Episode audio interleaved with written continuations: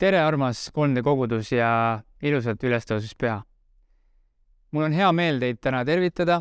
Äh, kui sa ka ei ole 3D kogudusest ja oled seda videot vaatamas, ma kutsun sind täna kaasa ühele väga erilisele vestlusele, mis äh, mind täna ees ootab ja millest sina saad äh, täna osa.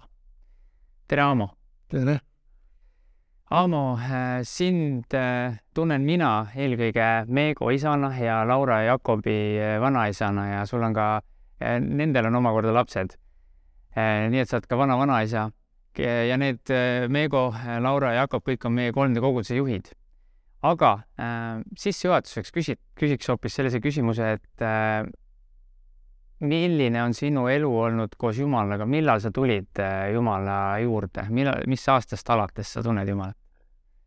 mina usklikuks sain, kui olin neljateistaastane aga ristimine oli mul viis aastat hiljem, sellepärast et tol ajal oli niisugune seadus, et ei tohtinud enne kaheksateist aastat ristida. ja siis ma ootasin, kui ma keskkooli lõpetasin tuhat üheksasada viiskümmend kuus, siis ma tulin ristimisele Pärnus, Pärnu kogudus. Äh, Heigo Ritsbek isa, Voldemar Ritsbek, tema ristis mind ja meil oli siis kaksteist noort, kolm, üksteist noort, üks oli vanem inimene, kes said ristitud ja mina olin üks kolmest noormehest, minuga koos sai ristitud Rein Ratas, Jüri Jürgenson ja mina kolmekesti, ise tütarlaps oli üks vanem naine. ja see oli aasta? tuhat üheksasada viiskümmend kuus, seitsmes juuli. siiamaani on mul meeles, see oli ristimine laupäevasel päeval, kui meid ristiti. aga minu noorem õde Daisy, kes sai koos minuga ristitud ja üks õde veel, Anne, ta oli teisega enam-vähem üheealised Nemad ei olnud kaheksateist aastat täis, ta oli minust kaks aastat noorem. Ja siis neid Venteristvet ristis päeval jões salaja, sest ei tohtinud alla kaheksateist aasta ristida.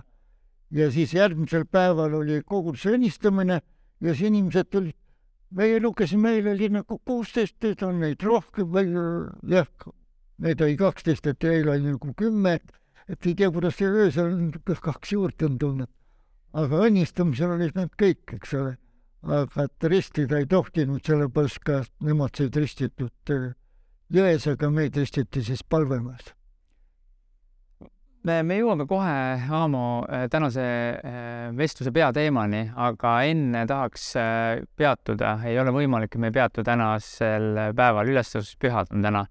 mida need sinu jaoks on, Aamo, sinu elu jooksul tähendanud ja kas see kuidagi ka prak-, praktiliselt äh, väljendub sinu tänases päevas või, äh, või siis selles nädalas? no see tähendab väga palju, sest ma mäletan lapsepõlvest oli ülestõusmispühade teenistus oli hommikul kell seitse ja siis oli naisteteenistus ja me läksime isaga alati hommikul vara sinna teenistusele. kui ma töötasin Nõmmel siin paarkümmend aastat või kolmkümmend aastat isegi peaaegu pastorina, siis ka Nõmmel oli ülespeal oli üks teenistus hommikul ja see oli kell seitse, kus oli siis naistel nagu antud eesõigus tunnistada. sellega nagu meenutati seda, et naised olid, kes läksid öösel hommikul nagu esimest korda hauale. nii et sellepärast on mul lapsepõlvest jäänud nagu ülespead nagu erakordselt meelde. teine asi, see pidulikkus, mis ka ülesespühadel oli, et me tulime koosolekult tagasi, siis meid oli suur pere, mul oli üks vend ja seitse õde ja meist olid kõik laua ääres koos. isa siis rääkis meile, luges piiblit ja palvetasime koos.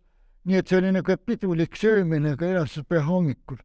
aga kõige tähtsam on see, et mida nüüd piiblis räägitakse Jeesusest, seda nüüd ma, kui ma usklikuks sain ja lugesin piiblit, sest ma mõistsin, kuivõrd oluline tähtsus on sellel inimeste elus et kui me mõistame seda, et Jeesus tõusis üles, ta ei jäänud kusagile sinna hauda, et tema haud on tühi, nagu täna lauldakse, eks ole, et see haud on tühi. nii et eh, see oli usulises mõttes oli väga põhjapanev nagu kogemus. ma tean, et Jeesus on, kes on üles tõusnud, ta on isa paremal käel, ta kuulab meid, temal on kõik võimalus, nagu Jeesus ise ütles, mul on antud kõik meelevald üleval taevas ja maa peal. nii et me võime usaldada teda, kellel on nii suur meelevald. ja teine asi, mis ta ütles meile, et ma olen iga päev te juures kuni maailma aasta otsani. see annab meile kindluse, et meil on suur, väga võimas valitseja, ta on iga päev ka meiega. aitäh sulle, et sa jagasid äh, ülestuspühadest, äh, mida Jeesus veel meile ütles seal äh, täiesti enne, kui ta läks taevasse pärast oma ülestõusmist, et minge tehke jüngriteks kõik need rahvad ja täna tahakski tegelikult, Aamo, sinuga rääkida jüngerlusest. see sõna jüngerlus on võib-olla paljude jaoks veidi võõras, aga, aga ma usun, et äh, igaüks, kes seda videot praegu vaatab, kuulab äh, või meie vestlust kuulab, siis, siis äh, sellel inimesel on tõenäoliselt mingi väike huvi Jumala vastu, kas tal on võib-olla suurem huvi juba mõnda aega, ta õpib Jumalat tundma või ta õpetab ka teisi Jumalat paremini tundma. ja see kõik ongi jüngerlus. mida sinu jaoks on elu jooksul see sõna jüngerlus tähendanud ja, ja kui sa meenutad oma lapsepõlve, siis millal olid sinu esimesed kogemused jüngerlusest? tollal ei kasutatud, kui mina laps olin või noor ka, seda jüngerlust eriti, aga praktiliselt, kuigi see toimis, mina tegin oma elus niisuguse põhjapaneva pöörduse, pöördumise peale usklikuks saamist ja see oli tuhande üheksasaja viiekümnendal aastal märtsikuus. ma mäletan, oli ära evangeeliumi või äratusnädal tolle nagu nimetati ja ma tegin seal otsuse, jumal, ma annan kõik oma elu sulle. ja siis ma tegelesin ka laulmisega ja see oli, oli festival ja siis mind valiti välja, et läheb Tallinnasse ja siis ma loobusin sellest viimasest voorust, kus siis pidi enne Tallinnat veel läbi käima. ja ma ei läinud sinna ja siis see, selle komisjoni üks esimees, ta oli parteilane naine ja tema nägi mind tänaval, ütles, Aavo, miks te ei tulnud sinna? ma ütlesin, et ma loobusin lihtsalt. ei, me valisime teid välja, te lähete ikka, kuigi ma ei laulnud seal enam ja see tähendas niisuguse, ma tegin nagu otsuse, ma kõigest loobun nagu, mis võiks takistada mind nagu jumala riigi tööd tegemist. ja on huvitav see, et ähm, see oli märtsikuuses ja märtsi lõpus õpe kutsus Tallinna kooli vaheaeg märtsi lõpus ja sinna olid, tulid noored kokku Tõnas järvel ja ta ütles, Aamu, jää veel siia, et räägi nende noortele ja see oli esimene kord, kus minu abikaasaga me kohtusime, ma ei teadnud siis, aga ta tuli natuke hiljem, sellepärast mul jäi meelde ja teiseks ta läks ka kõige varem ära. aga nähtavasti igaüks neist tutvustas, see oli suur tuba, nad istusid kõik ümber toa ja mina istusin seal kirjust laua taga ja siis ma neile rääkisin, ma ei mäleta, mis ma neile rääkisin, aga midagi noortele rääkisin ja, ja siis ma mõtlesin, huvitav, et ma tegin otsuse ja Jumal tegi mulle kingituse. see oli suur kingitus mu abikaasa näol. Ehm, võib-olla kolmveerand aastat hiljem alles ma hakkasin temaga suhtlema, sest mu õemees ütles, et meil Olevisses on üks väga särav tütarlaps, aga tal on usus nii palju raskusi kodus, ta oli ainuke laps oma vanematele ja ta sai jaanuaris paar kuud enne just usklikuks. nii et ta oli üsna noor usklik. ja siis mul läks nii südamesse, ma hakkasin temale kirjutama ja me kirjutasime ainult usulistel põhjustel. ja siis ta kirjutas mulle vastu, ma mäletan, esimene kiri oli kuus lehekülge täis küsimusi. ja kui me abielus juba olime, siis ta ütles mulle aamus, vastasid kõigile minu küsimustele. tema oli kasvanud üles teatris, ükskõik kus operetist ooperis väike lõik tuli, ta ütles kohe ära, see on sellest ooperist, sellest operetist, sest tema töötas tal teatris, ta käis kogu aeg seal kuulamas neid ooperid, operette nii et ta oli väga kursis sellega. ja, ja siis ma mõtlesin, näed, kuidas Jumal, mina tegin otsuse ja Jumal kinkis mulle abikaasa. ma siis ei mõelnud sellele. kui ma olin neljateistaastane ja mustlikuks saanud, ma mõtlesin, et ma ei tea, kes mulle ütles, aga nähtavasti tuli niisugune, ma ei taha kellegi tütarlapsega enne noh, lähemalt suhteid luua, kui ma ei ole kindel, et ma temaga abiellun ja ma pidasin huvitav seda tõotust, kuigi ma ei teinud tõotust, aga ma omale mõtlesin, et ma tahan nii järgida. ja siis abikaasa oli mul esimene ja me ainult kirjutasime. Ja muidugi siis aasta hiljem tal tekkisid suured pahandused kodus just usulistes põhjustes, ma kirjutan temale, eks ta oli koolis, ta oli üks aasta minust noorem, ta oli siis, mina olin üheteistkümnendas klassis juba ja juba kui ma lõpetasin keskkooli tema oli siis viimases ja siis ema luges neid kirju ja siis ta sai nii vihaseks ja ta põletas kõik need ära ja aga õnneks selle testamendi, mis tal oli, selle ta peitis ära, aga seda ei põletanud, nii palju jumala kartust kui oli. tänu jumalale, et äh, sellel ajal, viiskümmend, kuuskümmend aastat tagasi, sel ajal, nõukogude ajal olid enamus asjad Eestis usuga seot-, seoses keelatud, suur osa asju. kuidas üldse, mida te üldse saite teha, et, et jagada Jumalast, mis kujul? tähendab, kui ma hakkasin seal noorte ja siis ma hakkasin seal noortetööd tegema just, ma selle otsuse tegin. ja sa olid kui vana siis? ma olin siis seitseteist, kaheksateist, jah. ja, ja ma hakkasin siis noori nagu koguma meie koju salaja, tegime seitsmeteistaastasena? jah ja., noorte õhtut tegime, kutsusime Aha. ja siis tuli ka ostmatuid noori ja mõni üksik muidugi aga ma mäletan, me palvetasime nendega ja palvetasime nii kaua, kui ta sai oma rahu südamesse. see oli, vahest läks mitu tundi selleks, aga me olime nii järjekindlad, või tõuseme põlvedelt, kui ta on leidnud, kui ta noh, ise muidugi soovis, et kui ta on leidnud ja ta on tõesti päästetud. et see oli nagu meil väga niisugune järjekindel. aga siis ei tohtinud ju noortega midagi tööd teha, aga me moodustasime noortekoori ja mäletan, vend Lipsaks, kes oli nagu praeguse mõiste järgi vanem presbüüter nagu või EKP Liidu president, kutsuti siis vanem presbüüteriks. ja tema tuli ükskord Pärnu ja siis ta pärast koosolekut lasi meid laulda. ja siis ta küsib, et mis on te koori nime, ma ütlesin, meil ei olegi nime. no olete Slipstocki koor nii et eh, see oli siis, mis me noortega saime teha, aga me ei saanud esineda kusagil nüüd esimene tunnistus mul koguduses oli siis, kui ma sain ristitud, ma olin kaheksateistaastane ja siis tehti see ristitutele teenistusõhtu ja siis ma tunnistasin esimest korda. et aga see oli kõik, me noortega pühapäeval, me ei tohtinud isegi koos minna koosolekul, me käisime palves tihti peale koosoleku vahel. ja siis me läksime ükshaaval palvelasse, et mitte äratada tähelepanu.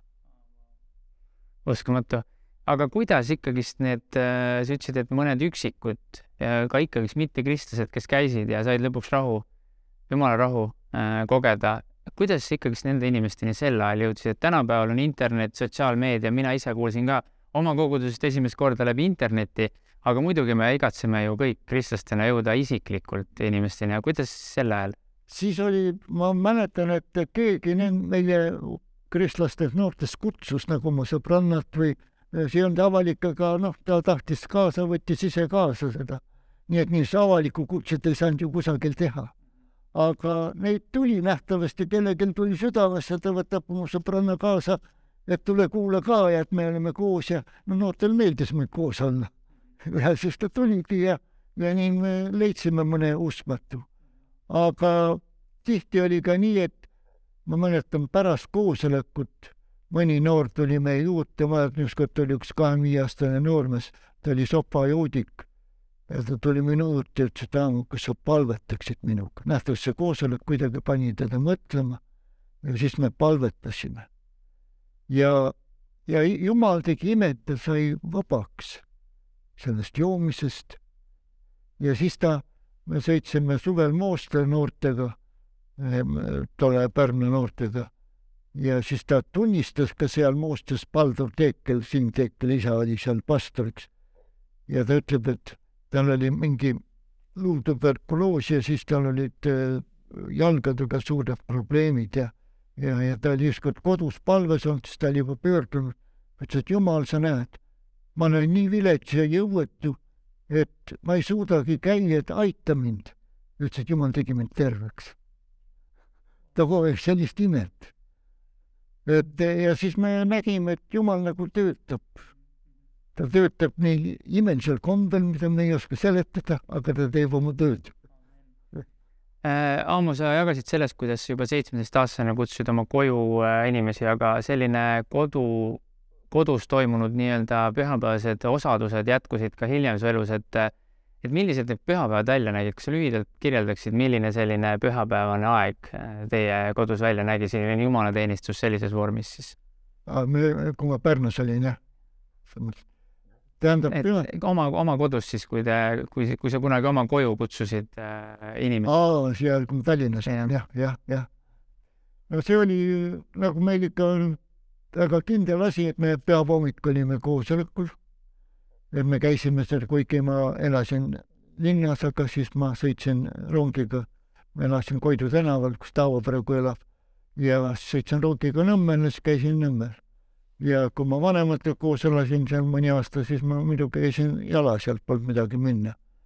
nii et see oli nüüd niisugune ja vahest võtsime ka abikaasa ja lapsed kaasa, kui nad üles ärkasid, nad tavaliselt olid üleval aga just, vot sa ütlesid, et, et kui te, kui sa olid seal seitseteist, kaheksateist ja noored tulid, kutsusite koju, et, et millised, see, mis te tegite siis ma seal? olin juba natuke vanem. natuke vanem, et mis te, mis te tegite seal kodus? no meil on nii, et meil noored tulid ja siis neil oli noh, väga palju küsimusi, laulsime, rääkisime. sõite midagi? mõnikord sõite midagi, mõnikord? jaa, hiljem mul abikaasa hakkas tegema võttis noori vastu ja kui ma olin Viljandist alati, tegi köögis juba kõik, kattis laua ja kõik noortele. nii et äh, aga noh, meil oli Tallinnas, kui me olime Koidu tänaval, oli väga väike üks tuba ainult. aga siis me pakkusime ikka midagi. palju seal noori võis mõnikord olla ühetoalises korteris? no ma ei ole kunagi lugenud, aga ma usun, et paarkümmend oli kindlasti, tuba oli täis ikka aga Viljandis oli, ma mäletan, oli meil üks nelikümmend noort ikka oli, kui ma hakkasin Viljandisse läksime, korteris jah, siis ei, meil ei olnud palvele ja siis ta kasus pannud palvema ja siis ma kutsusin noori neljandal õhtul koju endale. ja siis tuli vahest nelikümmend noort, noored ise kutsusid, jah. Et ikka isiklik kutse ja et äh, sellised äh, koduses keskkonnas, et inimesed tulid usule, kogesid Jumalat ja õppisid Jumala sõna seal tundma. imeline. Imeline kuulda seda. Äh, kas peale selle, et kui te olite toas, et kus te õppisite Jumalat tundma, palvetasite, kas te noortega tegite ka väljaspool äh, nii-öelda nelja seina kodus keskkonda midagi? et, et kas, kas, kas peale selle nii-öelda väga vaimuliku osa kuulub jüngerluse hulka ka mingisugused ühised tegevused, kas te käisite kuskil? sõitsite, ma ei tea, ratastega või? jaa, me tegime, kui ma eriti Viljandis olin, siis me käisime ratta, rattamatkal ja ka Nõmmel, kui ma olin. tegime rattamatkad Hiiumaale, Saaremaale, igal õhtul me pidasime koosolekuid ja sõitsime ratastega järg, järgmisel päeval jälle teises kohas. aga kuidas te neid koosolekuid pidasite, kas see oli ette planeeritud või? jaa, me rääkisime seal, siis pidi ka luba olema, et sa Hiiumaale saad. ja siis noh, kogumisvanematega oli, nad saatsid meile kutse ja siis me saime noortega nii minna ja siis nad leppisid juba ise Hiiumaal kokku, no Saaremaa oli suur, siis me juba bussiga pidime sõitma. aga Hiiumaal me tegime jalgrattamatka ümber Hiiumaa ja siis igal õhtul oli juba koosolekud välja kuulutatud. Ja rahvas, kes tihti ühest palvelast teise, meeldis, noh, noori kuulata, tunnistused tavaliselt oli mul lõpuks kõnega, aga noorte tunnistused olid ja, ja laulsime noortekooriga. ja see oli, kui me Nõmmel olime ja Viljandis samamoodi, me tegime jalgrattamatkusi ja käisime noortega, siis pidasime koosolekuid, äratuskoosolekuid Moostas ja, ja paljudes kohtades Eestimaal, jah. Aamo, mis sinu jaoks niisugune eriline vaimulik kogemus, mis sa võib-olla nooremana nägid, kui sa ise olid võib-olla ka noor, meil on üsna noor kogudus, noored inimesed, võib-olla kellegi teisega koos olles et võib-olla midagi, mis sulle esile tuua just sellises, kus te võib-olla olite ka koduses keskkonnas, kus te palvetasite ja nagu sa jagasid juba ühte lugu, kuidas äh, mitte kristlased said Jumala rahu kogeda. kas sul on mingi eriline mälestus läbi selle, kui mitu inimest igatsevad Jumalat tunda? no mul on üks mälestus meeles Nõmmelt, tähendab, ja see oli nii, et peale koosolekut üks noormees tuli mu juurde ja ütles, et ta tahab minuga rääkida. ja siis ma küsin, mis on ta põhjus ja ta ütleb, et ta südames tunneb, et ta peab oma elus midagi muutma. ja, ja siis ma palusin seal neli-viis noort, et nad võiksid, noh, kui neil aega on jääda palvesse. Ja miks mul meeles on, sellepärast et järgmisel päeval mul oli sünnipäev. ja siis me läksime üles rõdule, me hakkasime rääkima ja kui me palvele kummardasime, siis mul oli tunne nagu kartulikott oleks mul seljas. oli tohutu raskus. ja me palvetasime, võitlesime ja, ja see oli mitu tundi ja ma imestan, et noored vastu pidasid.